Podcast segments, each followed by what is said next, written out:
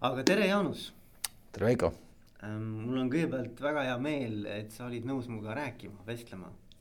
no sinuga on alati hea rääkida. väga hea, mul ka sinuga, mul on väga-väga head mälestused meie jutuajamistest.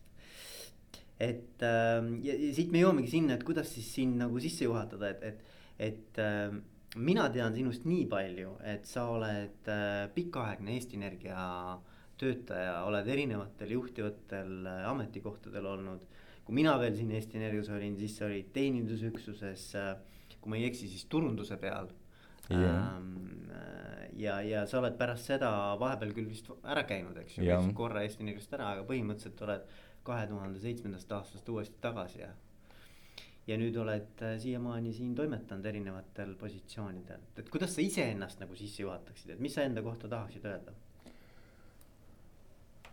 no ma ise, ise ütleks, ütleks nii, et ma olen, ma olen erinevaid juhtimisfookusi teadlikult katsetanud, et kui ma olen ühe juhtimisväljakutse skoobi enda jaoks selgeks teinud, siis ma olen proovinud nagu midagi muud juurde katsetada, et ma Eesti Energias alustasin klassikalise äh, muudatusjuhtimisega mulle anti ülesanne jagada üks organisatsioon, jaotusvõrgu organisatsioon kaheks organisatsiooniks, mis on üle-eestiline, üle-eestiline töö. ma jagasin jämedalt öeldes kuuesaja liikmelise organisatsiooni kaheks mm. -hmm. noh, suurusjärguna kuus-seitsesada inimest, ma isegi ei mäleta täpselt, palju see oli, nii et ühele poole jäi alla kahesaja inimese ja teise poole jäi enamus mm. -hmm mis tähendas nii töökorralduslikku protsessi, kõik, kõik, kõik, kõik kuni kliendisuhete haldamisega, kõiksugu muudatusteni, see läbi, ettevalmistust ja läbiviimist. see oli esimene nagu suurem reform, eks ju, siis seejärel ma, ma töötasin äh, järjest äh, mitme juhi alluvuses just nimelt loodud siis selles müügi ja teenindus ja müügi- ja teenindusorganisatsioon, mu nimi oli turundusdirektor, mu ülesanne oli tegelikult nagu ärimudeli arendamine, ehk siis tooted, tooted ja, ja, ja kliendi pakkumine.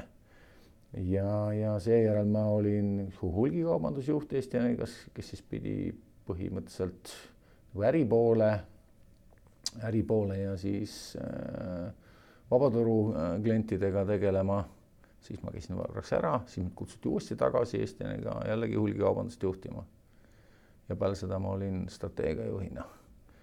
ja seejärel olin ma juhatuse esimehe nõunik e erijuhtumites, kus organisatsiooni ei olnud loodud. pidin siis aitama hallata neid case'i, mille jaoks organisatsioonis ei olnud süsteemi.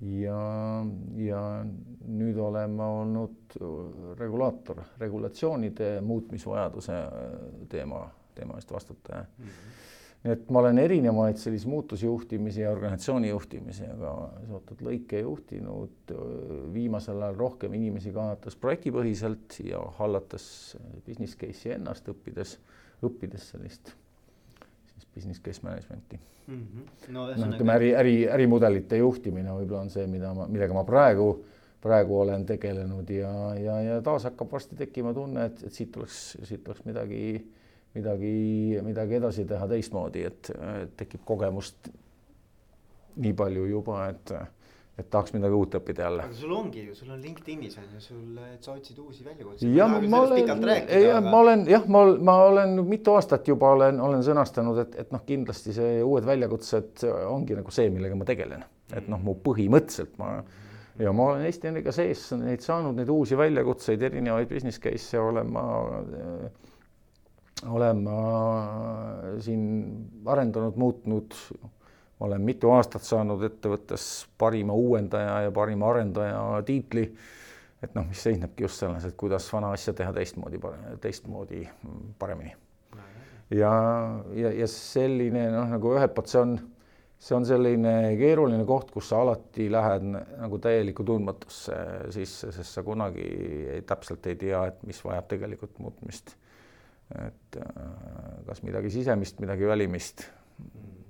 kas, aga kas siis võib öelda, kui ma püüan nüüd nagu kokku võtta, et mis see sinu põhikompetents on juhina, et siis see ongi nagu muudatuste. muudatuste juhtimine on võib-olla kõige lihtsamalt kokkuvõetav äh,, kokkuvõt-, võt, asi ja siis selle piiritlemine natuke täpsemalt on siis võib-olla siis nagu ärimudelite juhtimine või arendamine, noh, mis siis tähendab seda, et sa otsustad äritegevuse tulemuslikkuse kasvatamiseks mingil moel mingi osa. noh, sa pidevalt, ühesõnaga põhimõte on nagu see, et sa pidevalt otsid, mida selles äri, äri tegemise viisis täna natuke teistmoodi tehes, olles siis valmis põhimõtteliselt muutma mida iganes asja. et see, see on selline lähenemine, kus sa ei ütle, et, et mul on nagu põhiprotsessid ja need on nagu aamen kirikus.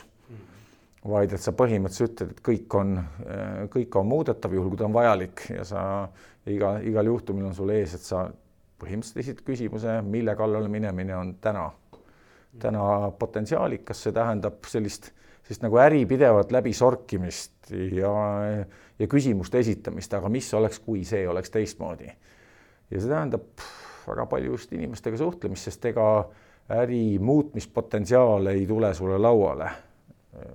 noh, niimoodi, et, et on ilmselgelt laual. inimesed ei taha. just, pigem on täpselt vastupidi, ta on kuskilt peidetud aga siis tuleb nagu lahti võtta, nii nagu raamatut ei saa lugeda senikaua, kuni raamat ei ole lahti võetud. et noh, samamoodi on nagu see, et sa pead nagu inimestega suhtlema selleks, et aru saada, kus on potentsiaalid sa pead kuulama, sa pead inimeste käest saadud detaile omavahel kokku panema, esitama küsimuse ja hästi avatult tegema, sest kui sa hakkad kellegi vastu tegema, siis nagu no, ei tööta keegi koos. et see on selline noh, niisugune võib-olla siis selle, need inimlikud, inimlikud pooled ja siis selline, selline isiklik nutikus ja, ja, ja eelkõige võib-olla siis nagu noh, orienteeritus nagu turu poole, et, et sa ei saa nagu lähtuda organisatsiooni sisemistest asjaoludest mm. -hmm et ikkagi suurim osa väljakutsetest, noh, lõpuks tuleb sulle ikkagi kohale ju väljapoolt ja millele sa pead, millega sa pead hakkama saama. et, äh, et sellised märksõnad. ja ei väga,, väga-väga kihvt, et äh, minu selline esimene stampküsimus tavaliselt intervjuude puhul on see, et äh, ja võib tunduda äh, naiivne või, või sihukene elementaarne küsimus, aga et milli-, mille eest juhile palka makstakse, mis on juhi nagu selline fundamentaalne töö, tema olemus see on hea küsimus, mul endal oli, oli aastaid oli, oli äh, arvutil oli see tervitusteade, mis äh, kunagi oli väga populaarne panna arvutile sisse mm. -hmm. Oli, mul oli, mille eest palka saad. Ja siis oli küsimärk oli lõpus, et kui arvuti käima panin, siis alati hommikul jooksis teade läbi, et noh, mõtle see asi läbi, aga ma olen selle peale mõelnud, mul on väga selgelt kolm, kolme asja eest noh, jämedalt öeldes, et et esimene asi, mida juht peab tegema, ta peab oma, suutma omaenda üleva, ülemise või kõrgema astme juhi ootusi manageerida. et üks asi, mis on, see on edu, see on edu esimene mm, edutegur. räägi sellest lähemalt, et, et mis, mis sa selle all mõtled? ma mõtlen eelkõige seda, et et formaalseks läheb juhtimine siis just nimelt, kui, kui sa tegelikult saad aru, et sult, sult oodatakse võimatut aga sa otsustad siiski pingutada. aga sa tegelikult saad aru, et tegelikult see on võimatu et äh, sest noh, sellisel puhul, kui sa, kui sa tegelikult saad aru, et see on võimatu, siis sa oled tegelikult alla andnud. aga kui sa ikka otsustad pingutada, siis sa tegelikult otsustad tegelikult oma juhti nagu petta, jämedalt öeldes, sest õige oleks ja iseennast ka natukene kindlasti ja kusjuures mingitel asjaoludel viiskümmend protsenti juhtudest sul võib isegi see õnnestuda, sest noh, reeglina reeglina, kes piisavalt pingutab, sellele kukub ka magades nagu toit suhu, eks ju. Et ähm, aga, aga tegelik pettuse hetk on ikkagi see, kui sa otsustad mitte öelda, kuule, et see ei ole mõistlik eesmärk. et noh, juhtimiskvaliteedi mõttes on see noh, jämedalt öeldes, kui, kui tõenäosus on viiskümmend, viiskümmend, see on tegelikult nagu kasiinosse minemine, on ju. et kui sa saad ülesanne ja sa ei tea, kuidas seda ära teha, sa arvad, et see on halb eesmärk Äh, aga sa otsustad vait olla, siis, äh, siis see on juba, juba nagu halb juhtimine minu arust. Et mõistlikum on see asi veel kord läbi käia eelkõige selle poolest, kas see eesmärk on mõistlik. Äh, kas see, mida me tegema peaksime, võiks olla hoopiski midagi muud. ehk et nagu selles mõttes nagu ülema poolt juhi ootuste juhtimine, et mida ta tegelikult peaks ootama, mida ta peaks, mis ülesanded ta peaks andma sulle et see on oluliselt tähtis, sest, sest noh, jämedalt öeldes minu arust nii palju mina olen kogenud, kõik juhtimislikud konfliktid, mida ma olen oma elus näinud nendest, nendest kaheksakümmend protsenti tulevad just nimelt selle ülespoole juhtimise vähesusest.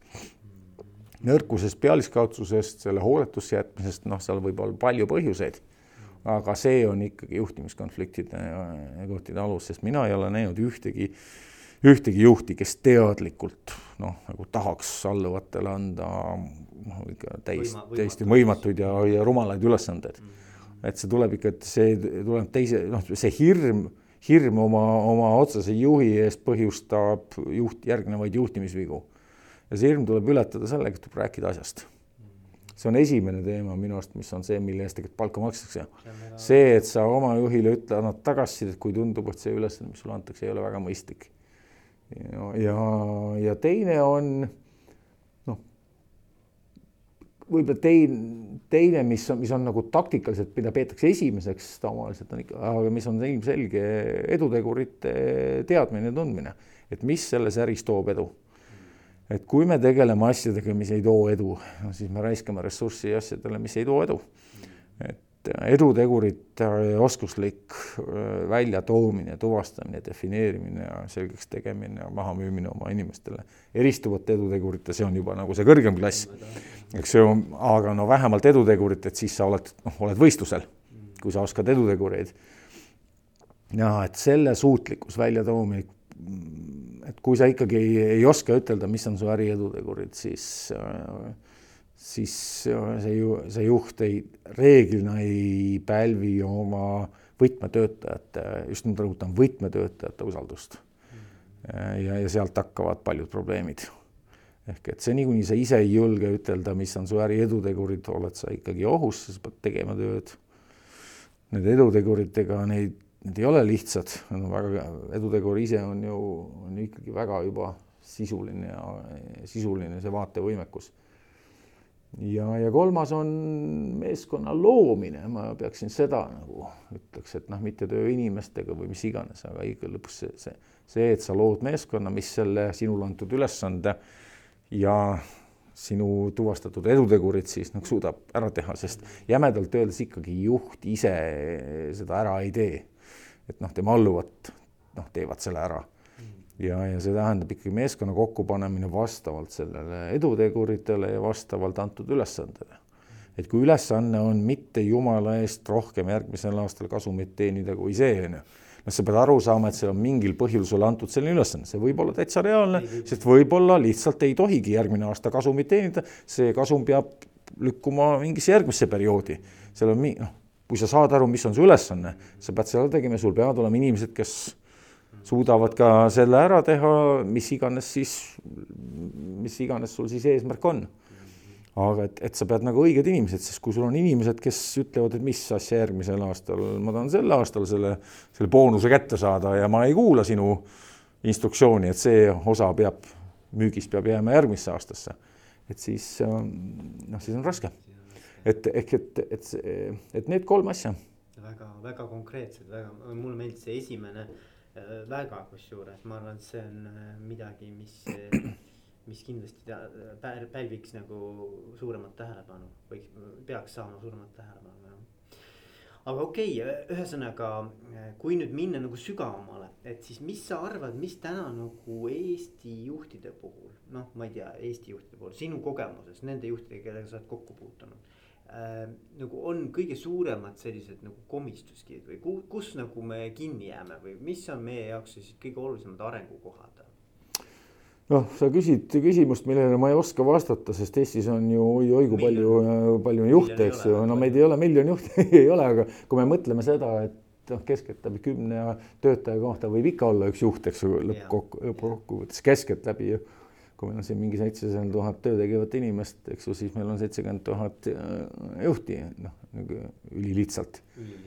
et, et äh, neist murdosa on, on isiklikult nähtud nende, aga, aga kui ma mis sinu jaoks kõige raskem? aga minu, minu, jah, minu arust, minu arust on, on kõige, kõige suurem, suurem väljakutse on just selle selle võiks ütelda ootuste, ootuste süsteemide äh, nagu loomine. Ehk et noh, kui tuleb nõukogu ütleb juhatusele, et meil on niisugune ootus, siis kuidas see ootus nüüd nagu tõlgendada edasi, edasi, edasi, kuni noh, iga, iga inimene, inimene, kes meil valvelauas või siis äh, fuajees võtab vastu külalisi, et noh, tema teab ka, et tema roll selle ootuse juures on see et kuidas luua sellist nagu väga selget kogu organisatsiooni hõlmavat noh, niisugust ootuste või eesmärkide kaskaadi. et ma olen ma olen inimestega rääkinud õigemal moel ja, ja enamus inimesed on ikkagi rääkinud nagu seda, et kuidagi nagu eesmärgid on, on, on kas lühik-, liiga lühikesed, liiga silod, noh, on ta siis ajaliselt hekseldatud, on ta siis funktsionaalselt hekseldatud. Et, et mul on, mul on tunne, et seal on ikkagi üks selline noh, professionaalne siis ma arvan, isegi see on võib-olla isegi nagu abifunktsiooni küsimus, mis aga saam, samas läheb juhtimisfunktsiooni keskmesse, et mille nimel me seda nagu teeme, mille nimel, mis eesmärgi nimel me mingeid mittekonventsionaalseid asju peame välja leiutama ja siis juurutama. eks see, mis on juhtimise ju põhifunktsioon, kuidas tuvatada edutegureid ja kuidas neid nende elluviimiseks vajalikke siis äh, eks ju samme siis ellu viia Äh, ehk siis ühelt poolt kopeerides teiste kogemusi ja teise poole pealt tehes midagi, midagi mitte keegi mitte kunagi enne pole teinud, motiveerides inimesi seda kõike selle nimel pingutama. et, et see, selle keskse mootori, mootori tegemine, just nimelt eesmärgistamine seal kesksel, et, et see on ikka päris, päris keerukas, keerukas asi. Ja, ja, ja, ja need, kes on selle nagu suutnud ära teha, need on ka suutnud õitsema hakata, sest mm, minu arust on eesmärk on ainukene asi, mis töötab ka siis, kui juht magab. Okay.. et noh, jämedalt öeldes, kui sa suudad oma meeskonna inimestele selgeks teha, mis on meie eesmärk, seejärel sa võid minna magama. Mm, -hmm. sest nemad kõik teavad, mida tegelikult on vaja teha. Ja kui sa oskad neile igale ühele selgitada ära, mis on tema roll ja mis on see suurem pilt, millesse tema see roll peab nagu täpselt mahu-, mahtuma ja kellega ta kokku peab sobima, siis mina olen kohanud ju ainult inimesi, ma ei ole, Rein, ma ei ole isegi kohanud ühtegi inimest, kes sellisel puhul ütleks, ei, ma ei taha nagu, mulle ei meeldi selline juhtimine või et, et ikka inimesed küsivad. aga selle eeldus muidugi, Jaanus, on see, et need inimesed on piisavalt küpsed ise, et nad suudavad äh, kõigepealt üleüldse sellest eesmärgist tõlgendada endale tegevused ja, ja siis ähm, teiseks, et nad ka päriselt distsiplineerivad ennast nende elluviimisel. jah, aga, aga noh, sealt on ikkagi, ma ütleks nii, et, et eks seal on ikka nagu kaks vahet on on, eks ju selles, et ka, kas sa tead, mida teha, on ju, ja teine on siis see, et kas sa teda järjekindlalt nagu teed, sest see on nagu juba järgmine. eks ju, järgmine, järgmine tase, sest noh, kui sul ei ole nagu plaani, siis ka põhimõtteliselt noh, võiks öelda nagu seda, et üks mu kunagine kolleeg, kolleegist juht ütles suurepärased sõnad, et, et, et iga liiku-, iga vales suunas liikumine tuleb hiljem kompenseerida suurema liikumiskiirusega, no mis on matemaatiliselt väga õige õige väide. ja see see ongi, et, et, et kui sa tead, kuhu suunas liikuda, siis võid ka natukene aeglasemalt liikuda. et noh, siis sa enam ei pea nii hirmsalt, eks ju, rapsima. aga hull on just see, et kui sa ei tea, kuhu suunas minna, siis on ju kaks asja, üks on see, et see hirm, et sa lähed vales suunas, pärsib igasuguse liikumise. noh, mis on kõige tavalisem asi. et sa ei tee nagu reaalselt mitte midagi ja teine pool on siis selle eesmärgi juures on, on eks ju see, et kui sa, kui sa ei tea ikkagi kindlalt, kas see on tegelikult see, mida su noh, näiteks ülemused tegelikult tahavad, siis sa muutud ettevaatlikuks jällegi liiga, et noh, et, et see vana, vana, vana sõduri tarkus, et kui sulle antakse ülesanne kaevata siit-sinnani kraav, siis kui sa tead, et üheksal juhul kümnest tuleb, kui sa oled pool kraavi ära kaevanud, siis tuleb sul järgmine korraldus ajada see kaevatud kraav juba kinni. et siis sa nagu ootad piisavalt kaua ja kui see teine käskus tuleb, sa raporteerid, et see teine käskus on juba ellu viidud. et, äh, et ühesõnaga, et, et, et see, et noh, kui sul ei ole kindlust ja veendumust seda, et see on nagu tõesti, siis noh, see motiveerib see, nagu natukene ootama, et vaatame, on siin ennegi neid juhtimishullusi nähtud, eks ju et, et selles mõttes see, see usk eesmärki ikkagi paneb inimesed liikuma. ka siis, kui nende kompetentsid on, on, on madalamad, noh, mida madalam on kompetents, seda täpsemini tuleb mõtestada seda, noh, mida, mida tegema peab. ja ka inimesed ikkagi kasvavad suuresti läbi selle ju, et, et nad saavad nagu õigel moel juhitud, mille tõttu neil tekib usk seda, et eesmärgi nimel noh, kui keegi ütleb eesmärgi, siis see on nagu tõsiseltvõetav, et nad jätavad seda strateegilist turboviivitust nagu võimalikult väiksemaks et nii kui tuleb signaal, kohe julgevad panna kohe edasi, ei, ei tee seda turboviivitust, et ootame, et äkki tuleb teine signaal, et ei ole vaja, eks ju. et, et selles mõttes on nagu hästi tähtis, et, et sealt ülevalt hakkaks ikkagi asi õigel moel liikuma ja, ja, ja, ja teine pool on noh, muidugi see, et ega kunagi ei ole võimalik ette anda ju seda, seda eesmärki noh, oma piisavas detailsuses niimoodi, et alati ta käib ju ikkagi noh, sellise natuke iteratsiooniprotsessis, ehk siis see, kuidas see protsess, mis iseenesest on ebakindlust noh, nagu tekitav, et sa esitad küsimusi, millele veel ei ole vastuseid. kuidas selle asemel, et see juhi poolt esitatud, alluvatele esitatud küsimus, millele veel ei ole vastuseid, kuidas see selle asemel, et ta genereeriks ebakindlust, hakkaks genereerima kindlust, et see on nüüd nagu see täitsa teine, teine, eks ju, väljakutse sellesama juures, et et, kuidas inimesed, kui neilt küsitakse, et kuidas me selle probleemi lahendame, näeksid, et see, et see ei ole mitte juhtide ebakompetentsus, et nad ei suuda ütelda, mida me tegema peame. et kuidas see, eks ju, muutub selleks, et okei okay,, et see ongi see meie, noh, siin on meie mängumaa. Ja, ja kuna juhtimisest ikkagi, kui räägime ikkagi pigem juhtimisahela juhtimisest, mitte seda, et meil on olemas juhid ja allujad, ehk siis me oleme nagu esimesed esmatasandi juhid. et esmatasandi juhilt kannatab täitsa küsida, eks ju, et mida ma tegema pean sest noh, esmatasandi juht peakski olema operatsioonide meister. tema peab täpselt teadma, mida see inimene tegelikult tegema peab. et kui meie fuajees ees olev inimene, kes sind vastu võtab, ei naerata piisavalt hästi või ei, ei, ei oska sinuga suhelda või ei oska sulle tähelepanu pöörata, siis tema otsene juht peab talle selgitama, mida ta tegema peab. eks ju, aga kui me räägime juhatuse esimehest, siis juhatuse esimees peab andma oma juhtidele ülesanne, et see asi saaks nagu tehtud.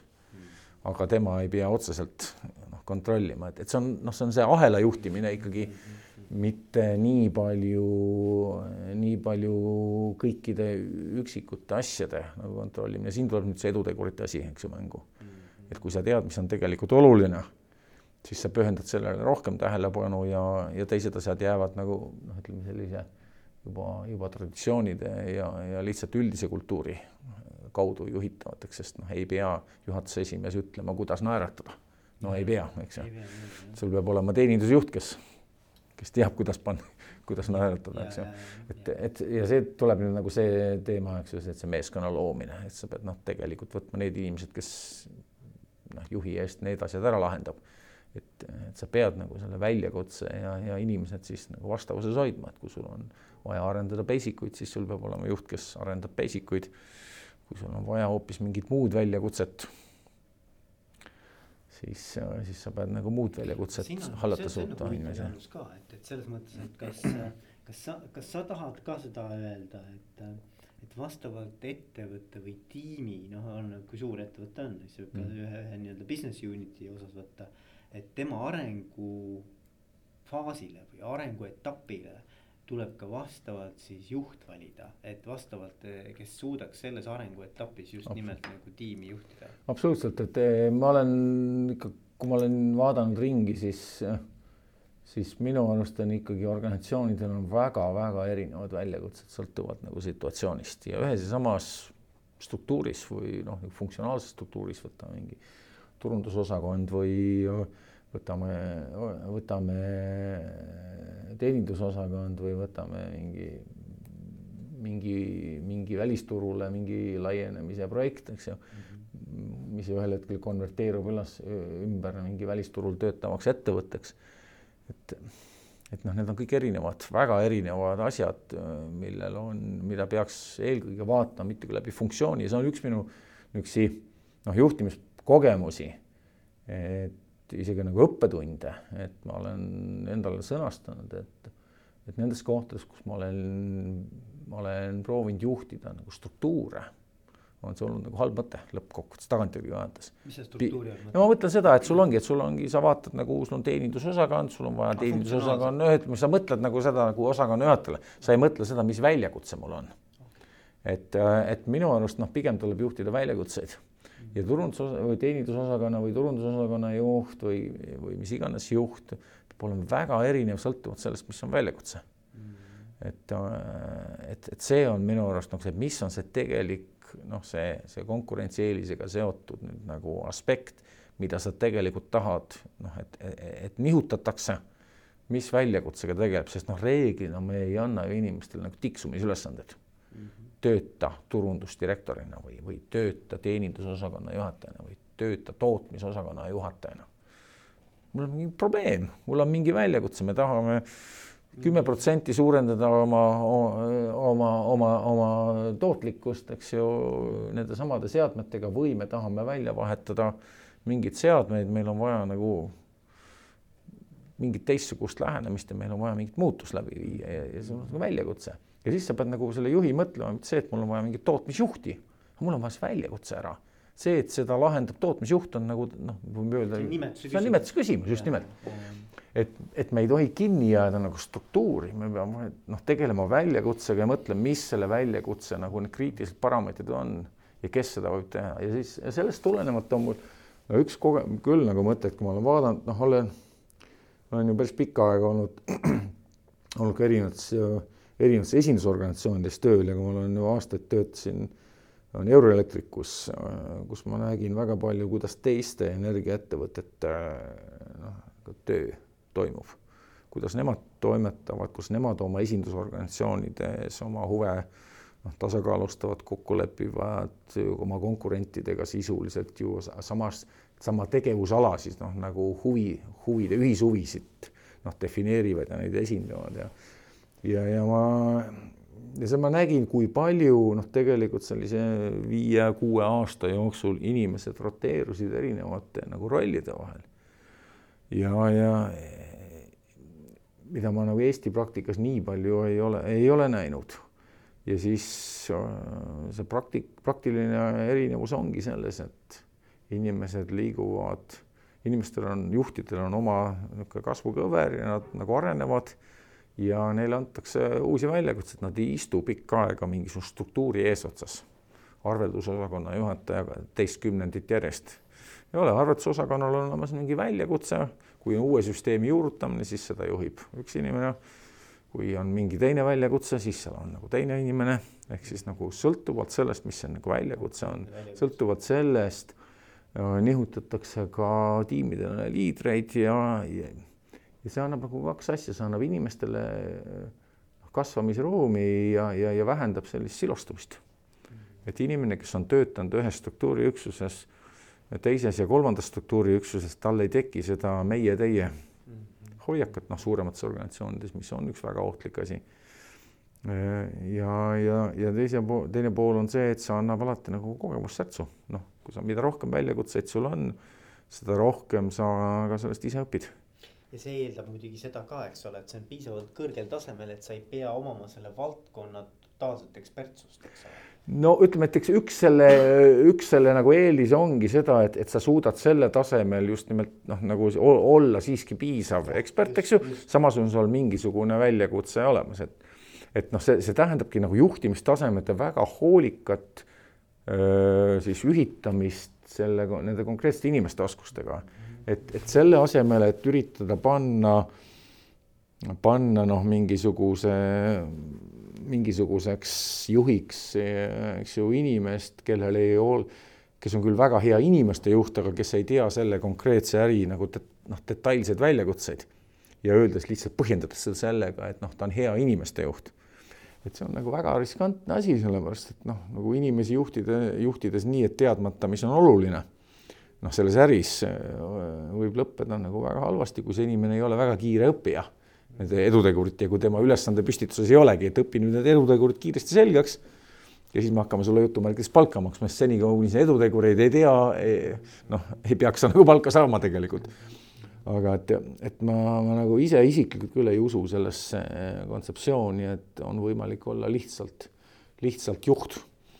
Äh, sest noh, lihtsalt juht, sa, see tähendab seda, et sa valdad baasjuhtimiskogemusi, aga endiselt sa, su palga teenimise võimalus tuleb siis, kui sa saad aru ka selles konkreetses kohas vajalikest eduteguritest või selles rollis vajalikest eduteguritest, et see, et see edutegurite tundmine on ikka, ikka noh, nagu see, mis on see kohapõhine ja, ja selle tajumine algab, noh, see algab, eks ju, ülesande tajumisest aga kui sa saad ülesande juhtida struktuuri, on ju, mitte siis nagu mingit väljakutset, siis ongi meil probleem, et meil on nagu niisugune, nagu me juhime struktuuripõhiselt, sellises vaates on väga kiiresti tekib mugavustsoon, meie töötajatel on väga mugav roll, positsioon, meil on väga pikad plaanid, ärge palun segage, meil on siin oma eesmärgid, noh, kõik selline, selline selline probleem hakkab peale ja ma olen seda kohanud mitte ainult, ole üldsegi Eesti Energia kogemuse põhine, ma olen kohanud seda ka väljapool Eesti Energiat, et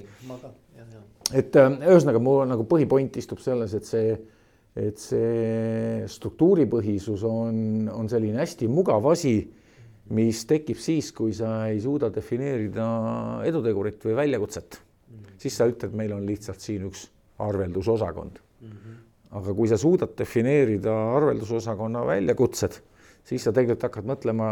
selles perioodis just. just, just nüüd see ja sa ei mõtlegi seda, et sa otsid arveldusosakonnale kümneaastast juhti, kümneks aastaks juhti.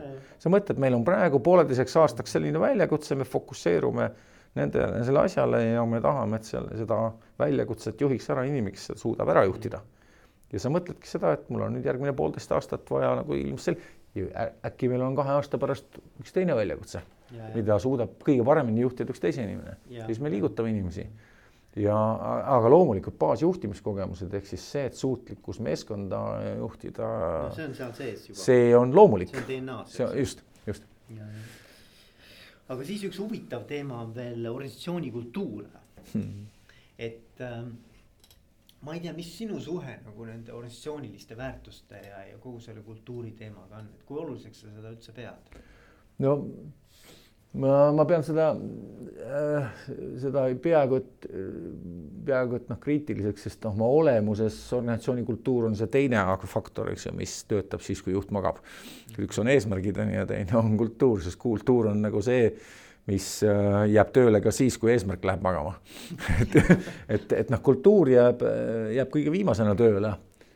Äh, ja, ja seetõttu on, eks ju, see kultuuri muutmise noh, eriti just, kui me räägime nagu strateegilistest muutustest, sest kultuur on nagu selline asi, mille noh, mille puhul võib ütelda, et ükskõik milline ta on, hea, et ta on sest noh, kui teda ei ole, see on kultuuritus, see on igal juhul hullem. see on ka raske muidugi, midagi ikka on. just nimelt, just nimelt, just mingisugune midagi igal juhul on ja, ja, ja reeglina on kultuur ikkagi noh, nagu positiivne oma, sest noh, kultuur iseenesest sisaldab ju mõtet, et see on see inimestevaheline vaikiv kokkulepe, kuidas asjad tiksuvad just. niimoodi, et me ei lähe konflikti, eks ju see on, see on tekkinud, eks ju, mitte lihtsalt tühjast kohast, vaid ikkagi reaalselt just. nagu keskkonnamõjudel ja üksteisega läbi, läbi suhtlemisel. ja selle tõttu on ta nagu noh, kriitiliselt olu-, oluline, aga noh, mida noh, mida tavaliselt peetakse kultuuri teemal ju, ju, ju silmas, ongi see suutlikkust, et kui kui strateegia vajab teistsugust kultuuri, kui uus, no ütleme siis nii, kui uus strateegia vajab teistsugust kultuuri mm. -hmm. et kuidas siis minna nagu kultuuri kallale, sest noh, veel kord kultuur on äh, on nagu mineviku, mineviku pärand, mida nagu reeglina ei, ei ole viisakas vaidlustada, et viisakas inimene ei lähe vaidlustama. ja üldse, kuidas, vot see on huvitav, Jaanus ka, muudatuste juht nagu sa oled, eks ole. kultuuri muutmine, see on tegelikult, see on natuke nihuke nagu, nagu contradiction in terms või noh, selline nagu iseenesest juba vastuolu sisaldav, eks ole. no ma, ma ütleks, et mina ütlen, mina, mina ise defineerin nagu seda kultuuri muutmise teemat ikka väga selgelt seoses nagu strateegiaga, sest kui me jämedalt ütles, kui me nagu terminites enam-vähem niimoodi kokku lepime, et strateegia on nagu kõige, kõige üldisem ja kõige suurem nagu plaan, kuhu me liigume. ja kui ka ja kuna alati on olemas mingi strateegia, et noh, sellist võimalust, et strateegiat ei ole ja tegelikult ei ole, küsimus on see, et kas, kes mis ulatuses seda teadvustab. aga me võime järeldada järelikult seda, et tänane kultuur on tekkinud mineviku strateegia tagajärjel. sest noh, kui me minevikus defineerisime endale strateegia, noh, milles me, milles me ütlesime, et et, et noh, valetamine, varastamine ei ole okei okay,, siis tõenäoliselt on meil ettevõttes tekkinud kultuur, et meil ei valetata ega ei varastata. noh, kui see strateegia sai enam-vähem ellu viidud okay. ja nüüd, kui meil tekib nagu vajadus sellest asjast, mis iganes noh, näiteks ütleme siis nii, et me otsustame turunduses äh, teha reklaame, milles me milles me ütleme eksplitsiitselt, et kui te meie toodet kasutate, siis teie, teie näonahk muutub viiskümmend protsenti nagu nooremaks. ja, ja, ja meil on ettevõttes väga tugev kultuur nagu sellest, et meil ei valetata siis meil võib tekkida küsimus, et kuulge, inimesed, me siin räägime, et me ei valeta ja see osakond, see turundusosakond tellib meie nime all selliseid väiteid, mille puhul noh, ütleme nii, et noh, me võime nii ja naa rääkida, aga aga üheksakümne üheksa protsendise tõenäosusega klassifitseerub see valge vale alla vähemalt, kui mitte hullemaks. -hmm. et noh, ja meil ongi kultuurikonflikt käes, eks ju. -hmm. ja kui me oleme nüüd teinud ühe strateegia, et me läheme kuidagi tähelepanu tõmbamise eesmärgil, tahame tekitada viraalset diskussiooni meie reklaamide üle ja selle kaudu tähelepanu meie toodetele, me oleme läinud, võtnud väite, mis on vastuolus meie mingi meie, meie varasemast strateegiast tuleneva nagu väärtusega, mis on muutunud selliseks alusvundamendiks meie asjadele, millest me enam ei räägi, aga me kogu aeg nagu teame, et see on tegelikult alusväärtus. siis see on nii, noh, me võime öelda, et Eesti Energias on näiteks ohutuse teema on nagu niisugune, et noh, siin no ei, ei tehta nalja. no ei tehta nalja, noh, mitte mingil moel, sest noh, elekter on ju niisugune asi, et sa ei näe, sa ei, noh, see on see, et sa ei näe, sa ei näe, sa ei näe, aga tunned ja kui tunned, siis enam ei näe, et noh, see on see kõige lihtsam reegel, mis, mis defineerib selle asja ohtlikkuse, eks ju. ja, ja, ja seetõttu on noh, ettevõtte DNA-s on nagu ohutus, ohutusfookus nagu väga selgelt sees. Ja, ja kui nüüd järsku keegi tuleb mingisuguse, mis iganes huvitava ja strateegilise ideega, mis nagu hakkab sellele ohutusteemale kuidagi nagu noh, konksu viskama, siis ettevõtte sees tekib märkimisväärne sisemine diskussioon. kuule, kas see, mida me nüüd nagu teeme, kas see nagu kuhugi sobib, noh, väga lihtne näide, eks ja, ja see ja seetõttu, kui sa nüüd tahadki teha strateegilist muutust, et sa ütledki, et sa eemaldud sellest varasemast mm, -hmm. siis sa pead sellele väga selgelt fokusseeruma, et kuidas see nüüd nagu ära juhtida. sest sa pead enda taju, enda peas hoidma nagu seda mõtet, et noh, senikaua, kuni see kultuur, ühesõnaga kultuur jääb tööle ka siis, kui, kui ülemus magab ja kui eesmärk magab ehk ta on kõige kauem tööl olev asi, sa pead ta eksplitsiitselt lõpuks suutma ära välja vahetada. see on seotud näiteks firmade ühendamisega, kõige tavalisem asi, eks firmade identiteetide ühendamisega ja siin kehtib reegel, mis minu arust just nimelt kultuuri vaates on kõige lihtsam tuua lauale just ühendamisnäitega. inimeselt ei saa midagi ära võtta, inimesel saab asemele pakkuda. kui sul on mingi firma identiteet, sa ei saa seda teise firma identiteeti ära võtta vaid saad talle pakkuda uue identiteedi ja kui ta selle aktsepteerib ja omaks võtab, siis ta automaatselt laseb ka lahti minevusest mm. identiteedist. ja nii lihtne see ongi, et kultuuri saab juhtida aga ainult asendustegevuse, mitte äravõtmisega, sa ei saa öelda negatiivselt. meie kultuurist peab see ära minema. sa pead andma inimesele võimalusele võtta midagi, midagi juurde. sa pead kõigepealt müüma seda, mis juurde tuleb ja, ja siis ta saab lahti lasta mingisugusest mm. mineviku asjast aga sa ei saa lihtsalt minna ära võtma. aga kui, see on, see on väga nagu selles mõttes on see huvitav teema, sest et vot väärtused on, väärtused räägitakse, sul on isiklikud väärtused, eks ole, siis on organisatsiooni väärtused ja siis on nende omavaheline seos veel, eks ju, kui palju need kooskõlas on. täpselt nii. ja, ja, ja nüüd on küsimus, et kui sa siis satudki, on see siis strateegia tulemusel või ühinemise tulemusel, ükskõik mis, mis juhtub, eks ole, mingi muutus on. ja sa pead hakkama nüüd nagu ennast paigutama sellesse uude organisatsiooni kultuuri et, et, et paljuski vot e-, enda väärtuste muutmine on ju hoopis keerulisem, eks. absoluutselt. et, et siis võib juhtuda, et ma nagu jään nagu üle ma nagu tunnen, et ma yeah, ei, absoluut kõik, jah, see, need, need tunded ongi need ju need tunded, mis väärtuste muutmisega käivad yeah.. Need on grupiviisilised, meie jääme üle, meie oleme kasutud yeah,, yeah. sest meie identiteet on selle uue identiteediga vastuolus see on ka liidrite vahetumisel, on see, tekib, sest uus liider tuleb mingisuguste uute mõtetega, mis noh, mis ei ole veel noh, sellise leidnud üle oma kohta siis selle organisatsiooni sellises kultuuris. kultuur on tegelikult väga paljuski nagu niisugune lauakommete küsimus ka. tuleb uus juht, eks ju, ja tal on komme, komme tõsta jalad laua peale ja kui eelmisel juhil ei olnud seda kommet, siis see võib olla väga suur kultuuriline teema.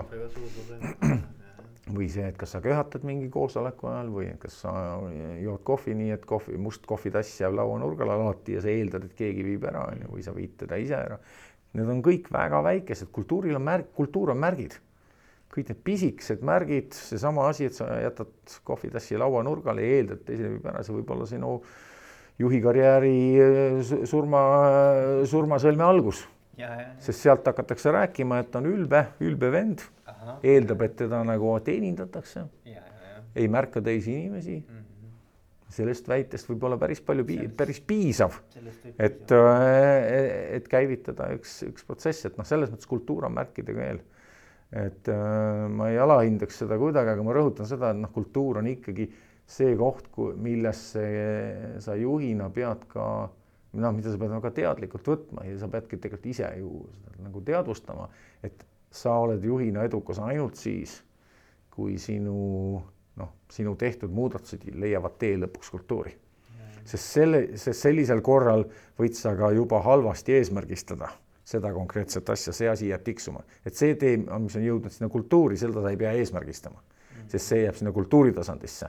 inimesed ise hakkavad noh, teineteist, teineteist noh, selles osas vaikselt, vaikselt toetama. ja, ja, ja, ja et see peab tekkima ka selline sotsiaalne selline nagu toetus või, või. just, just noh, näiteks mingi väga hea näide on näiteks noh, näiteks selline noh, kogemus nagu näiteks mingite jah, mingites tiimides näiteks, kus saadetakse kuhugi kirju. Kui tekib nagu selles tiimis selline noh, selline sisemine noh, nagu põlemine teatud noh, niisugune sõnastusliku perfektsuse suhtes, eks ju. mis oleks tegelikult sellise üksuse, mis peabki saatma kirju no, nagu parim kultuur mm. -hmm. et tal ongi kultuuriliselt on nagu sees, et me tahame nagu teha nagu noh ma ei tea, maailma parimaid kirju saata välja noh, mille puhul saaja saab täpselt aru, mida ta tunneb ennast meelitatuna, on ju, ja tahab väga teha täpselt seda, mida me tal palusime teha. et see kiri aitab kõik noh, ära teha. et see kiri ei tekita ühtegi takistust juurde, vaid see kiri aitab lahendada kõik need asjad ära, on ju.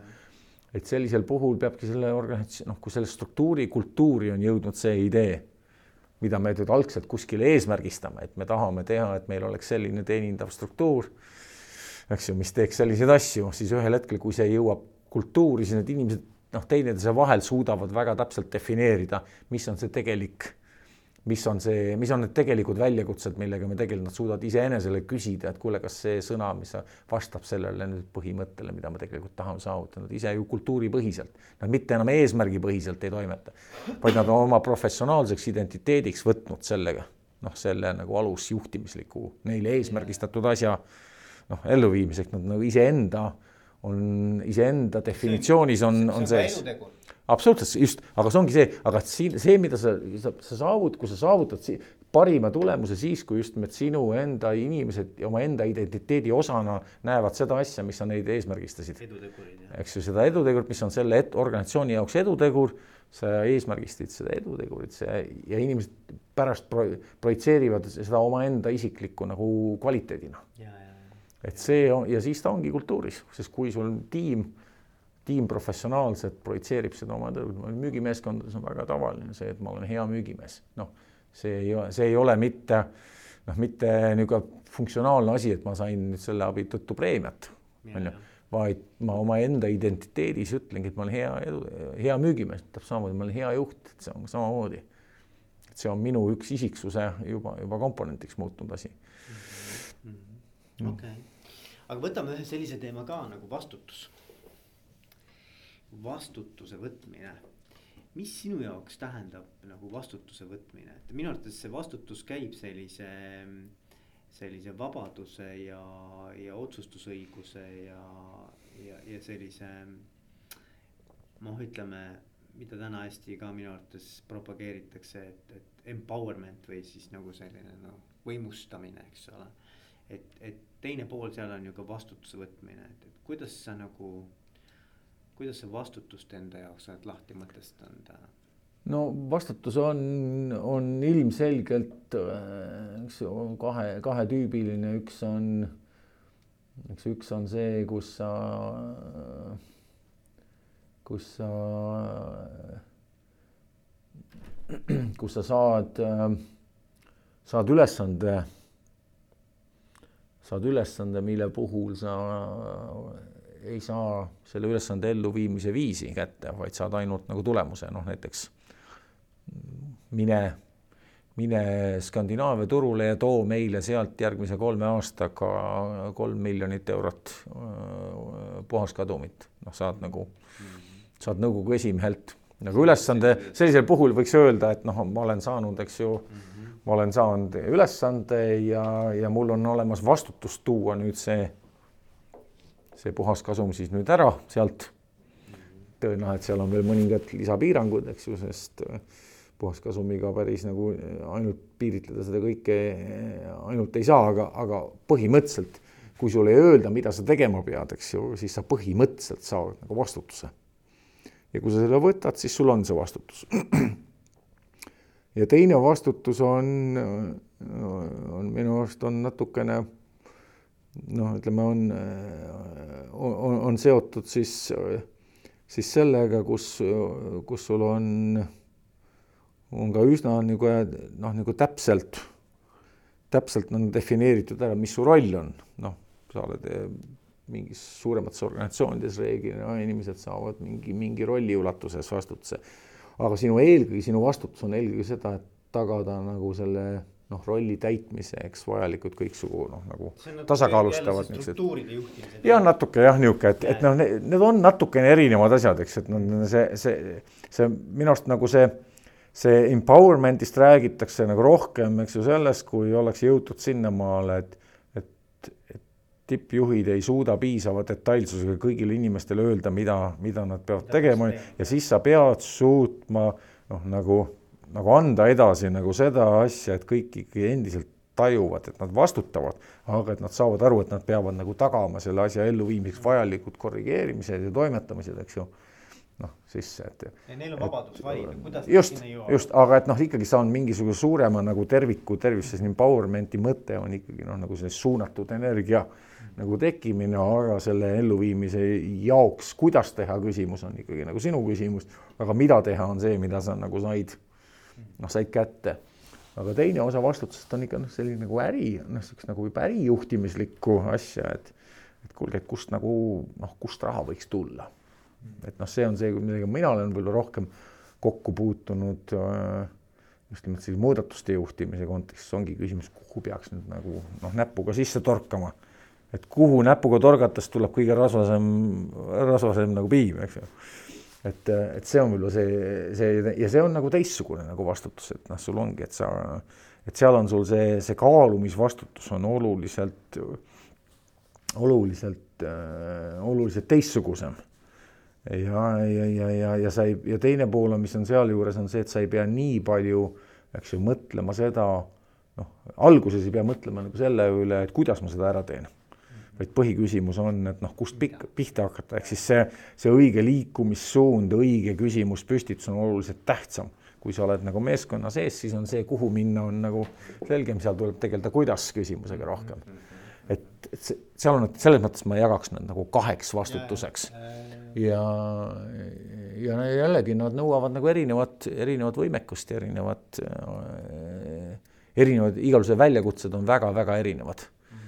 Sest, sest suuremas organisatsioonis tasakaalustatult, arvestades kõiki seotud piiranguid, otsustada, mis on noh, kõige parem noh, elluviimise viis, nõuab väga suurt kommunikatsiooni noh, paljude teistega, eks ju teiste inimestega ja see nõuab eelkõige noh, sellist kokkuleppeliste meeskonnatööd ja, ja, ja, ja, ja ka meeskonna vaimu ja mm -hmm. siis, siis nagu äri, äripoolset lahendust on natuke rohkem sellist agressiivsust, what if'i ja, ja, ja, ja, ja noh, see noh, teistsuguseid tegevusi nõuab. ja, ja, aga noh, seal vastutus, miks ma küsisin seda, et, et minu enda kogemus on see, et paljud inimesed tahavad vastutust, no tähendab, nad ei taha vastutust, vabandust Nad tahavad otsustusõigust ja vabadust valida äh,, kuidas ma mingi asja nagu ära teen. aga nad ei äh, ole valmis selle juures tegelikult võtma selle tulemuse eest vastutust. Et, et see on nagu, mulle tundub, et seal on nagu see paradoks, et ikkagi, et noh, et nagu paljud ei saa aru, et tegelikult äh, see, et sul on õigus äh, valida oma tee lõpp-punkti jõudmisel tähendab seda, et sa pead sinna lõpp-punkti ka jõudma, et noh, et, et, et, et keegi ei ütle siis, sa ei saa pärast kellelegi näpuga näidata, mm. et miks ma sinna ei jõudnud ma olen, olen nõus, eks me kõik inimestena ju oleme natukene, natukene laisad ja ma muidugi arvan, et selle, see natuke, see ongi niisugune nagu väikene moonutus, mis meie silmades on, sest need probleemid tulevad siis välja, kui see tulemus ei tule ära, on ju, siis tekib nagu see noh, see hetk on ju, et äh, kõikides nendes hetkedes, kus see tulemus tuli ära, tundub see nii loomulik, et me peaaegu unustame ära, keda selle eest nagu noh, tegelikult tänada. Ja et tegelikult olid siin mingid inimesed, kes tegid õigeid otsuseid, sest me kõik oleme kuulnud sellest juhtimistarkusest, et mingi hetke eest alates algab, eks ju, kõrvalseisjate, kõrvalseisjate nagu tunnustamine ja et, äh, et, et selles mõttes on on see vastutuse teema, vastutusest hoidumise teema seotud otseselt nagu asjade läbikukkumisega ja, ja ja siit ma tuleksin hoopiski teise asja juurde minu arust, mis on nagu juhtimiskultuuris nagu tähtis, et me, et me pigem võtaksime nagu juhtimisprotsessis selle vaate, et noh, läbikukkumiste peamine läbikukkumiste korral peamine juhtimistarkus on, on selles, kuidas sellest õppida, mis järeldused sellest teha, ehk siis lessons learned nagu praktika mm, -hmm. mida mina isiklikult ei ole küll väga paljudes kohtades kuulnud, et väga jõuliselt tehakse, ei ole väga palju näinud, et seda tehakse, ei ole kuulnud, et minu poolt respekteeritud juhid oleksid rääkinud sellest kui oma juhtimispraktika nagu väga tugevast osast mm. -hmm ehk me natuke häbeneme, häbenema läbikukkumisi ja me eh, peame neid otseselt nende inimeste süüks, kes sel hetkel osutusid juhtimisrollis olevaks ja selle tõttu on ka automaatselt praktika, praktika nagu selles, et sa üritad, üritad defineerida, aga ma ei saanud ju vastutada mm. -hmm. ehk me ja, ja, ja, ja kui sul ei ole eksplitsiitselt kultuuri, et sa sellest õpid siis igaüks hakkab mõtlema oma tulevikule ja ta, ja kui ta saab aru, et selles ettevõttes ei ole sellist kultuuri mm, -hmm. et äh, vigadest tuleb teha korralik lessons learned ja me peame siit nagu selgeks saama, et kust asi hakkas nagu viltu minema mm -hmm. ja me teeme seda sama põhjalikult, nagu me planeerime mingisuguseid uusi asju. Äh, ja sama ausalt, sama põhjalikult et siis me kipumegi, siis tekib see kaitse, kaitserefleks ja see, sa rääkisid kaitserefleksist tegelikult, mis tekib siis, kui asi läheb pekki mm. -hmm. sest ma ei ole kuulnud, et ükski inimene väidaks, kui asi on edukalt lõppenud, väidaks, et mis see minu, mis minu, minu roll nüüd olukorras, kus ta tegelikult kandis, noh, oli kandvat rolli. et, et siin ma arvan, et see, et üks asi, see on natuke teema, mille, mida võiks nimetada siis sümptomiks ja, ja haiguseks, et haigus on tegelikult teine mm. -hmm see, mis sa rääkisid, oli, oli pigem sümptom mm. -hmm. no nojah, see on, ei, see on õige muidugi jah, selline, kuidas äh, juurutada sellist õppivat, õppiva organisatsiooni mudelit, eks ja. ole. sest noh, selles õppima, ma rõhutaks nagu kahte asja, et see ei ole üldsegi mitte ninnu nännutamine, et kui asi läks pekki, et me ei ütle asjast, kuidas on mm. -hmm. vaid meie nagu peamine küsimus on see, et noh, eristada, eristada need asjad, mis läksid, ehk siis kui mingis kohas on olukord nagu see, et, et valet tüüpi inimene palju pandi valesse rolli, siis küsimus on see, et kes see juht oli, kes pani, kes pani inimese valesse rolli. see on juhi vastutus, et pannakse vale inimene valesse rolli. see ei ole selle inimese vastutus, kes pandi valesse rolli. Ja minu arust see on nagu see põhiline probleem, mille pärast me ei tee neid lessons learned'e, sest neid saab teha see juht, kes ülesande andis, aga kui ta ülesande andis juba valele inimesele siis ta ei hakka seda klaarima. sest mida iganes me nagu arutame, kui me jõuame inimeseni, siis meil küsimus on see, et kes pani vale inimese valesse kohta. ja, ja, ja kes andis vale ülesande, kes mõõdikud pani valed?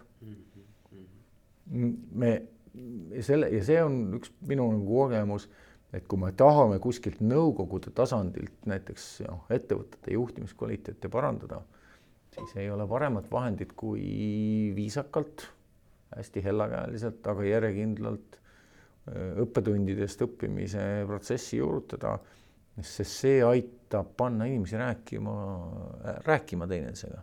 sest ega tagasiside puudus on ikkagi juhtide kõige suurem infopuudus. juhid ei saa adekvaatset tagasisidet omaenda tegevuste kohta.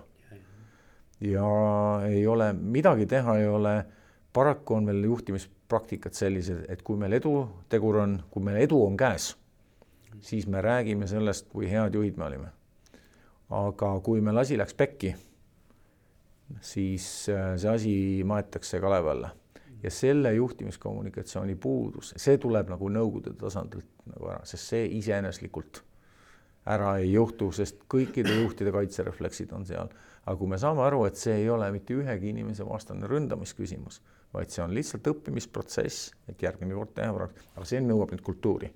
eks seda ei hakka keegi tegema, kui ta ei usu, et see ei ole tegelikult nagu peade lõikamisprotsess, protseduur teistsuguses, teistsuguse nimetusega ja seda, see tähendab seda, et seda ei saa korraga juurutada, seda peab nagu samm-sammult juurutama, sest ta ongi nagu väga hell, väga heljade asjade kallale minek.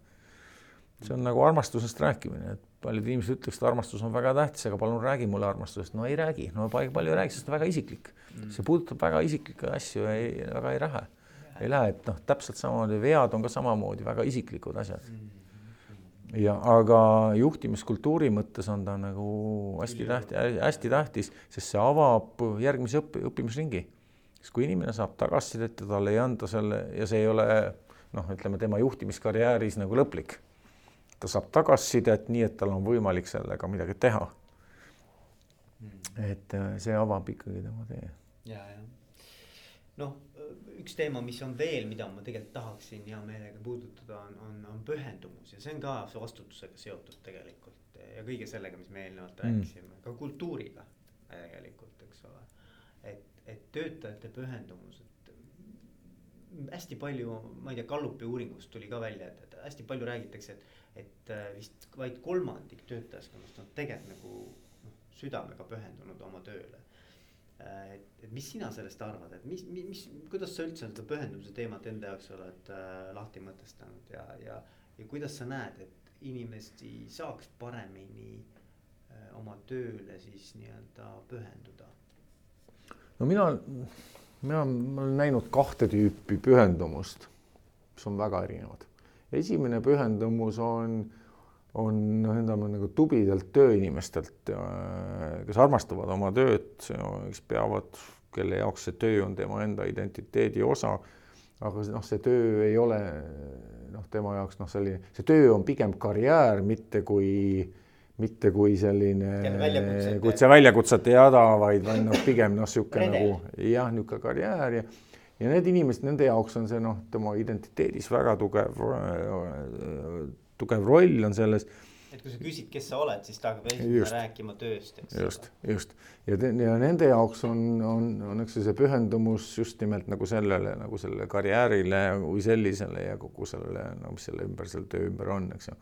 Ja ta on pühendunud just nimelt selles kontekstis, see on tema nagu elu üks, üks osa, eks ju. Ja teine osa pühendusest on noh, niisugust nagu innustumine sellest nagu muutusest ja need inimesed üldse ei pruugi kattuda, et äh, ja isegi tihtipeale on see, kes on pühendunud nagu karjäärile, tema jaoks on see noh, natuke nagu, kui keegi tuleb mingi muutuse jutuga, siis on tema jaoks nagu oht tema karjäärile.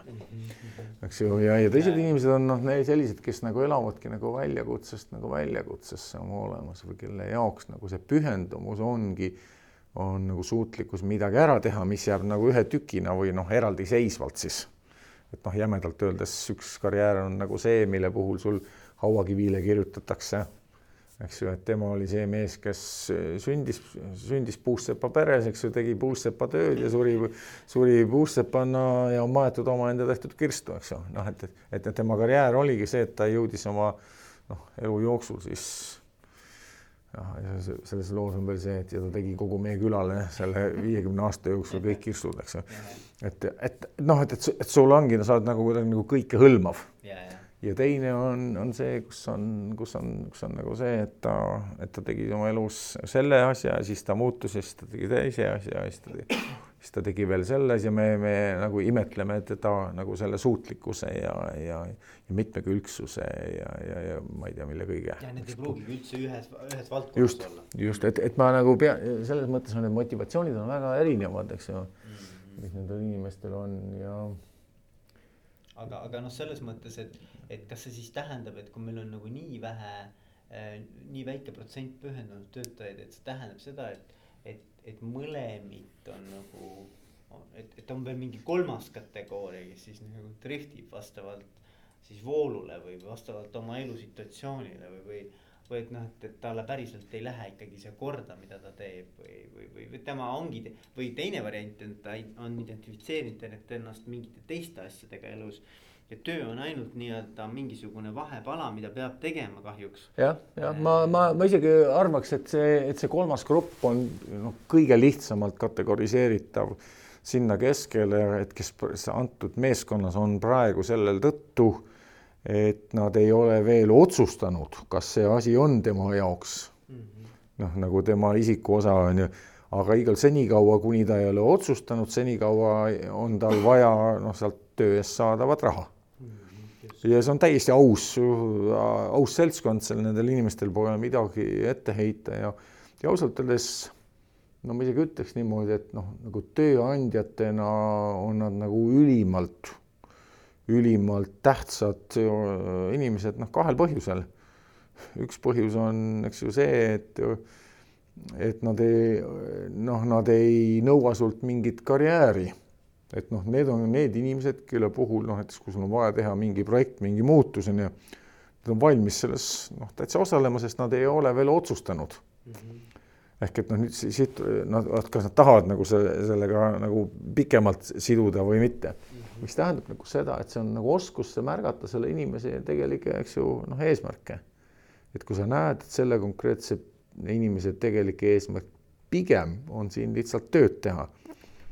Noh, ja kui sul on tunda, et see inimene on tegelikult noh, padu, paduvõimekas ja ja sul on tunne, et see inimene võiks olla, võiks olla sinu tiimis nagu väga hea nagu püsi, püsitöötaja sa pead tas temas selle motivatsiooni nagu mingisuguse projektiga, mingi ideega, mingi võimalusega sinna nagu tekitama, sest ega motiv-, noh, ega, ega inimesed ei, no see on natukene jälle nagu armastusega, et ega see armastus, armastus ei teki ise, iseenesest, eks ju, aga reeglina ütleme jämedalt öeldes tihtipeale tekib ta nagu see, et üks otsustab, et kuule, et noh, see teine pool on nagu päris huvitav. et noh, keegi peab tegema esimese sammu ja siis on võimalus, eks ju, et kas teiselt poolt tuleb äh, või mm -hmm. et ma tahan öelda, nagu see on, see on nagu minu arust nagu juhi ülesanne, see on nagu juhi ülesanne tegelikult on ikkagi proovida seda armastust selle töö vastu, selle töö nende projektilaadsete väljakutsete vastu noh, eelkõige tekitada, sest need on nagu need asjad, mille kaudu mina usun, et inimeste motivatsiooni on õige üleval hoida, mitte see, et ma tahan, ma pakun sulle meie ettevõttes tööd vanema arveametnikuna saad pensioni, no see tundub nagu, et noh, ei lähe, mõni võib ennast mõniajase töötamise järel ise leida, et tema kutsumus on olla vanemarva ametnik ja ta ei tahagi rohkemat ja ta leiab sellest tuhe, tugeva motivatsiooni ja teda ei tohi sellest segada. noh, sel-, seda, seda motivatsiooni ei saa nagu meelitada, eks ju, aga meelitada tuleb nagu neid inimesi, kellel on tegelikult noh, valmisolek või võimekus pakkuda nagu noh, selliseid noh, sellist tõelist süvenemist ja süvenemist ja millegi uue unikaalse tegemist. Nendel tule, nendel inimestel tuleb see armastus silma tekitada, see ettepanek tuleb teha, talle tuleb anda võimalus, võimalus näha, et selle sees võib olla nagu pointi ja kasvamist. et et ma olen nagu seda, seda, seda nagu tähele pannud. Et moti-, ühesõnaga motivatsioon on, motivatsioon on ikkagi juhi, juhi käes olev asi ja just nimelt see, et motivatsioonini see asi lõpuks viia, et see inimesel see motivatsioon isiklikult panustada selle asja noh, ütleme siis nagu tundmatuses äh, kala püüdmiseks, sest väga lihtne on see, et ütle, minna kalakasvatusse ja, ja, ja, ja küsida siis ülemuse käest õngi ja hakata kala püüdma, noh pole väga nagu keeruline. aga noh, motivatsioon saada kalameheks, kes suudab võõral, võõral järvel tuvastada, kus kohas kala on ja, ja seega nagu noh, reeglina ära tuua ja siis, kui ära ei toonud, on ju, siis sellest mõistlikul moel õppida, et mida me nüüd jälle õppisime sellest, et me siinkord nüüd kala ei saanud, aga endiselt tunda ennast väga šefi kalamehena. Ja ma arvan, et see kalamehe lugu ongi nagu väga hea selle, selle õppimise asjast, et enamus kalamehi ei ole ju sündinud geniaalse kalamehe vaistuga, vaid on suutnud õppida. Ja see õppimisprotsess ongi see olnud, mis, mis on neist teinud nagu kalamehed, nad on suutnud õppust võtta oma elu nendes kogemustes, kus kala mingites kohtades ei ole näkanud mm. -hmm. ja nad lihtsalt selle meelde jätnud ja, ja. ja ei ole seda kogu aeg sedasama viga korranud, et ühel hetkel nad suutnud siis viga mitte korrata. ja, eks see on nagu uudishimuga ka seotud, eks ole, kui uudishimulik sa üldse elus oled, kui palju sa tahad nagu aru saada asjadest ja kui palju sa üldse nagu süvened mingitesse teemadesse ja pulkadeks võtad ja mm.. aga see selleks Jaanus, ütle mulle, kas on midagi, mida ma ei ole sinu käest küsinud, aga sa tahaksid kindlasti rõhutada ja juhtidele südamele panna? ja noh, mul on nagu väga-väga vähe, kes olen mina, et, et, et Eesti juhtidele midagi, midagi südame, südamele panna, et et võib-olla,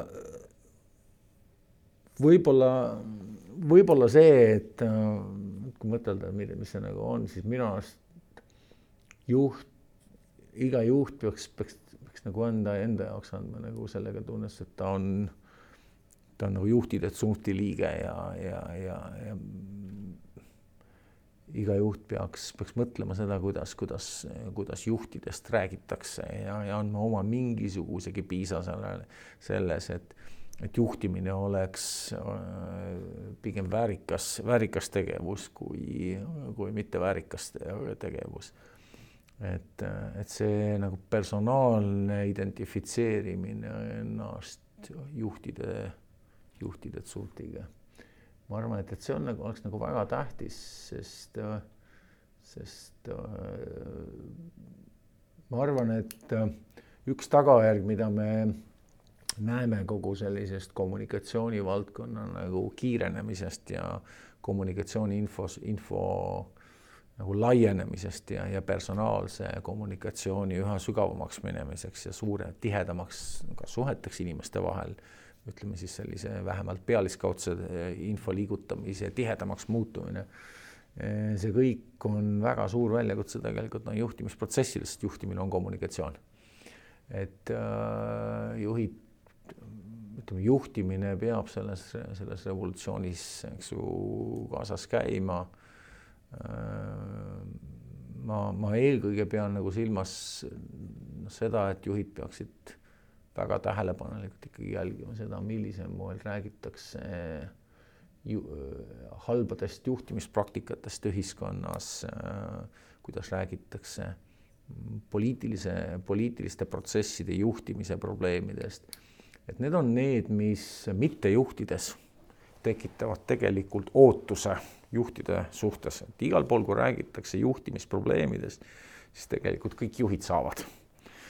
Mm. otsemal või kaudsemal moel. Ja, ja siin pea liiva alla pugemine, et noh, mina ei ole see, kelle pihta, pihta praegu kivi visati, ei ole, ei ole see hea praktika, et ma arvan, et ma arvan, et juhtimine on niivõrd uni-, universaalne ja niivõrd äh, nurgakivi küsimus ühiskondades ja kõikides organisatsioonides, ühiskond on ka organisatsioon.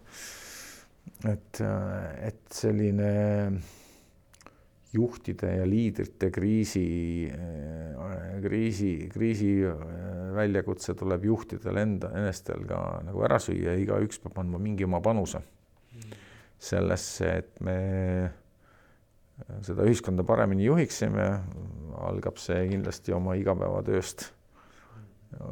Alates, aga see ei tohi kunagi sellega ainult piirduda, et igalühel on, igaüks, kes on juht, ta on noh, tegelikult peaks aru saama, et tema vastutus on üks samm ka kuskil kaugemal ja ja kui me nagu selle oma, mis on meie üks samm kaugemal juhtimisülesanne, selle ka oleme enda jaoks ära, ära sõnastanud ja, ja sellest ka midagi siis ära teinud et siis on hästi.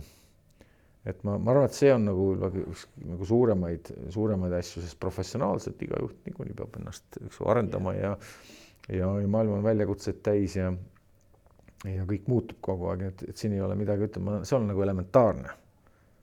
aga, aga ma arvan, et äh, juhtides suurem vastutus nagu ühiskonna arengu eest on ja enda jaoks nagu mõtestatud rolli leidmine, siis mis ühiskond, millis, mis eduteguriga tegelema hakkamine temaga juhi mm., juhiga kõige rohkem sobib, mida ta tegelikult, mida, milles ta tahaks te, osaleda.